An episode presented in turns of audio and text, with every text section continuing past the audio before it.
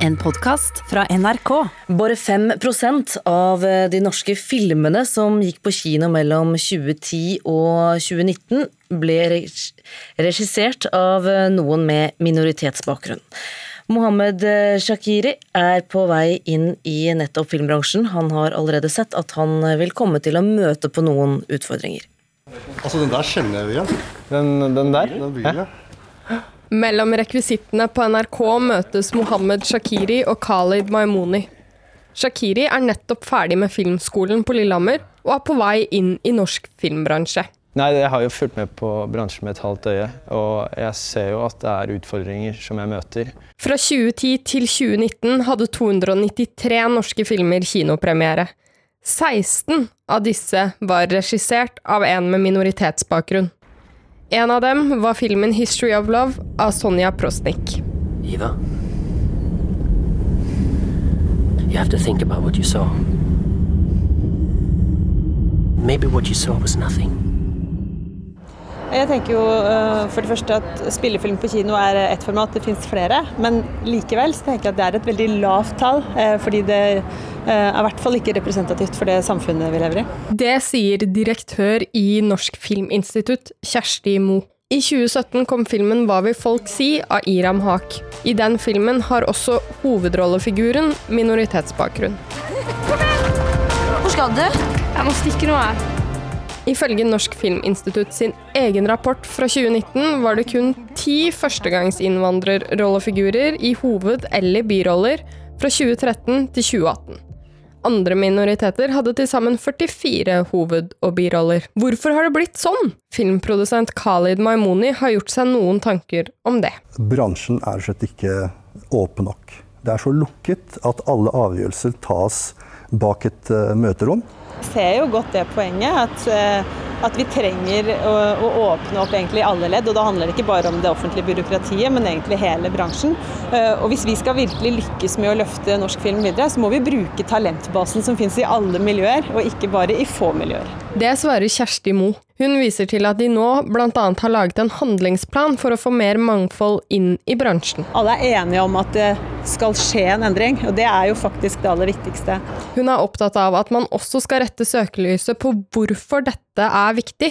Og Shakiri, som er på vei inn i bransjen, har en tanke om det. For det handler jo om å gjenspeile samfunnet. Eh, og som jeg nevnte selv, at jeg, jeg har ikke følt meg speilet i det hele tatt. Og det er kanskje litt av grunnen til at jeg har lyst til å fortelle disse historiene, for det er ufortalt. Uh, og det syns jeg er helt sinnssykt uh, i dag. Reportere her det var Christian Arnesen Strømshoved og Maiken Svendsen. Nora Ibrahim, utviklingssjef i The Oslo Company. God morgen. God morgen. Er du enig med Khalid Maimoni her, at avgjørelser om hvem som skal få lage film eller serie ofte skjer bak lukkede dører? Eh, jeg tenker jo at Det viktigste er jo at NFI er en støtteordning for alle, og ikke bare for en gruppe mennesker. Og Nå har man jo gjort denne kartleggingen og ser at det er en tydelig skjevfordeling. Og så blir jeg jo veldig glad når NFI også sier at de ønsker å sette mer fokus på dette og lager en mangfoldsplan. Eh, fordi det starter med å anerkjenne dette som et problem, og så må man jo sette inn tiltak deretter. Så hvilke tiltak ser du for deg? Er det noen som ligger på trappene? Nei, jeg selv har jo eh, faktisk blitt eh, vært med i et stipendiatprogram og hadde min første jobb her i NRK. Eh, som er et slags kvoteringsprogram for flerkulturelle journalister. Og jeg mener at det er så konkrete tiltak som må til, da, hvis man virkelig ønsker dette. Men diskusjonen i filmbransjen har gått veldig på eh, kvotering av kvinner kontra menn. Eh, er det, er det like skarp debatt om, om eh, flerkulturelt kontra vanlige nordmenn? Unnskyld uttrykket. Ja, altså, jeg mener det er like viktig. Altså, det handler om hvilke historier som skal bli fortalt, og hvem som skal få lov til å fortelle de historiene.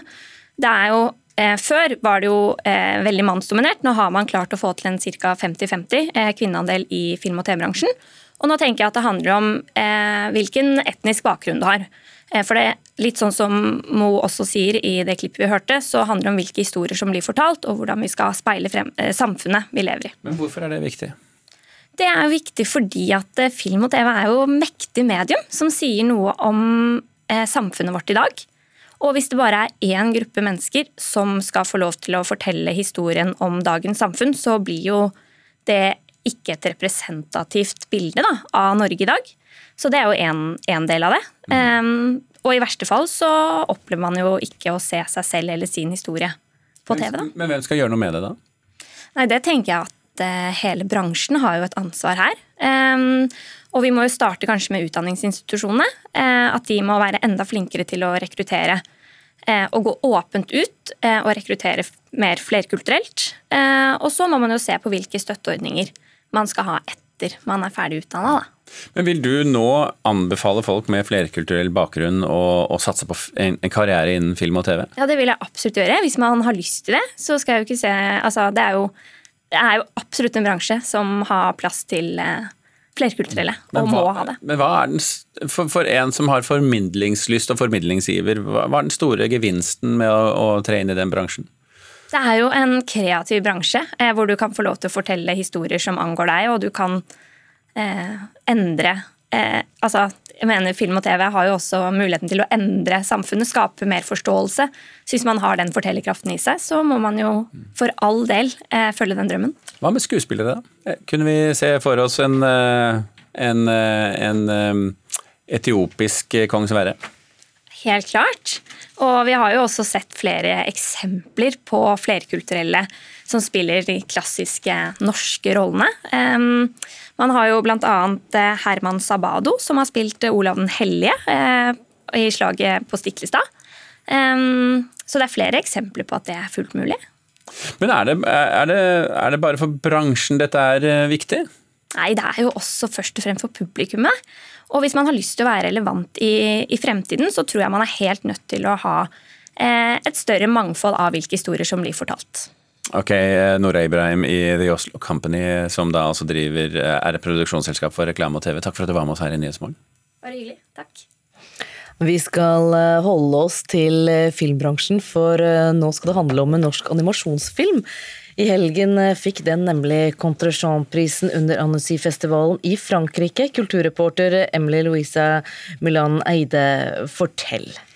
Ja, det er filmen My Favorite War, som er laga av norsk-latviske Ilse Burkowska Jacobsen, som har fått denne prisen.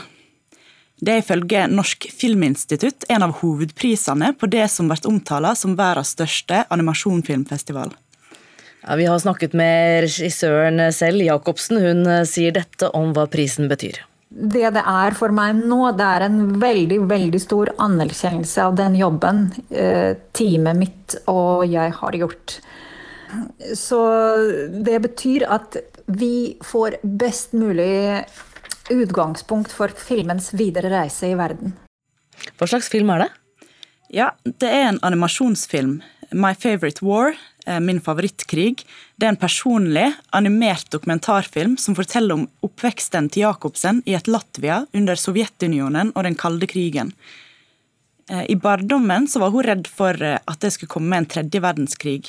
Og Filmen handler om propagandaen i et autoritært regime og hvordan det påvirker mennesket. Litt mørk film? Ja, når Ilse finner et bein fra en tysk soldat i sandkassa, så starter hun å finne andre historier som er begravd under den sovjetiske propagandaen. Til slutt må hun komme med til en avklaring. Hvem er det hun ønsker å være, og hva er det hun skal tro på?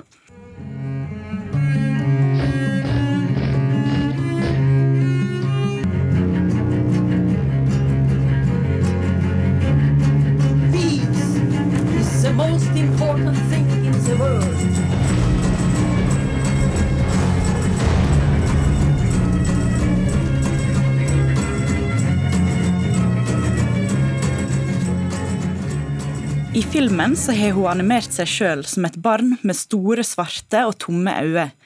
Eh, ja, litt grå og trist vær. Eh, det animerte det er klippet sammen med historiske bilder fra tida under Sovjetunionen. Denne prisen den eh, fikk hun altså på under denne festivalen i Frankrike. Men de fleste av denne type arrangementer har vært eh, alternative i år. Og det har ikke vært så lett å reise. Jacobsen fikk vel heller ikke reise til Frankrike og delta? Nei, altså pga. korona så ble jo festivalen holdt digitalt. Eh, og utdelinga ble strømma på YouTube. Og hun mener at det ikke er vits å sørge over ting som ikke skal skje Eh, så da hun fikk eh, valget mellom å få statuetten i posten eller å reise til festivalen neste år, så var valget enkelt. da. Så hun skal på festivalen igjen neste år. Takk skal du ha, kulturreporter Emily Louisa Millan Eide. Hva får du om du krysser Skatten på Sjørøverøya med historien om Den lille havfruen? Svaret Teaterhøgskolens sommerteater i Frognerparken i Oslo. Radkanonene! Radkanonene!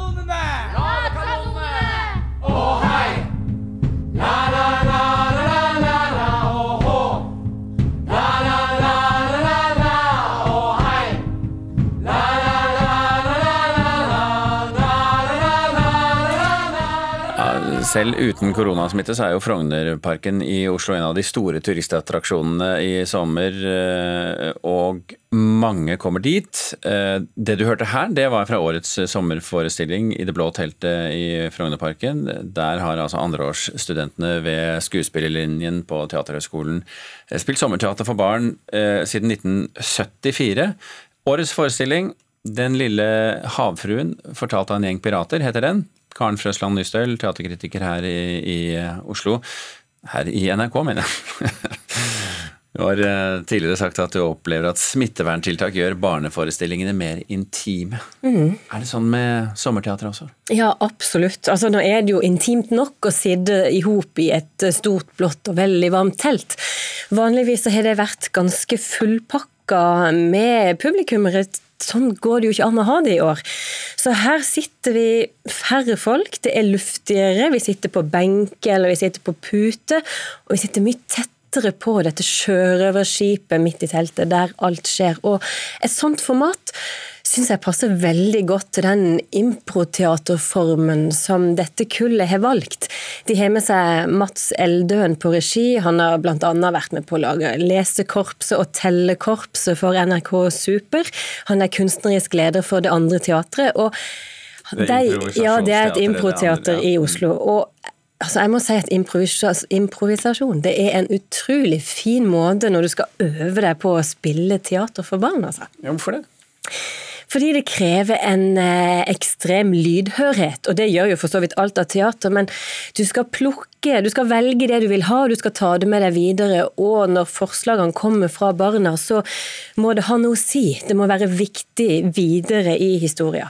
Og her har de ei rammefortelling full av hull, og så spør de barna om tips underveis. Eh, hva, hva skjer hvis, hva skal vi gjøre hvis vi møter en slange? Eh, og så svarer kanskje barnet spiser den'. Og da gjør skuespillerne da f.eks. det, men det er nå én ting. Det andre er at brått kommer det jo en lang historie om en slange fra dette barnet. Og hvordan håndtere det når du da er skuespiller, skal videre i fortellinga. Akkurat det der er faktisk ganske god øving, spør du meg. Og så er det jo noe med at barna tar jo imot, omfavner denne leiken, ikke sant. Ja, men er det også derfor at de nå har satt i gang egne kurs eh, i det å spille for barn, nettopp fordi at dette er litt utfordrende? Altså, Kunsthøgskolen i Oslo eller Teaterhøgskolen har egentlig aldri hatt egne workshops i det å spille teater for barn. Eh, De har hatt dette sommerteaterprosjektet, det store barneteaterprosjektet, som gir utrolig mye lærdom, der studentene må stå for alt. Historie og markedsføring, altså alt ved teateroppsetninger. Og klare å spille for barn. Men nå har de inngått samarbeid med Scenekunstbruket og med Kloden for å få kursrekke allerede fra første år av i å spille for barn, og det har de gjort i år for første gang. Jeg Hoppe tilbake til eh, selve forestillingen, altså Den lille havfruen fortalte av en gjeng pirater. Hva er egentlig historien her? Nei, Det er jo en sjørøverhistorie, dette her. Det er en skattejakt. Og så kommer dette havfruemomentet inn etter hvert. Det som jeg syns er veldig interessant, er at utrolig raskt så melder det seg store spørsmål hos meg. Altså Jeg blir sittende og filosofere og tenke hva er egentlig en skatt? Er det viktigst å leite etter den, eller er det viktigst å finne den, osv. Så videre. så Forestillinga åpner for så mange fine spørsmål rundt dette.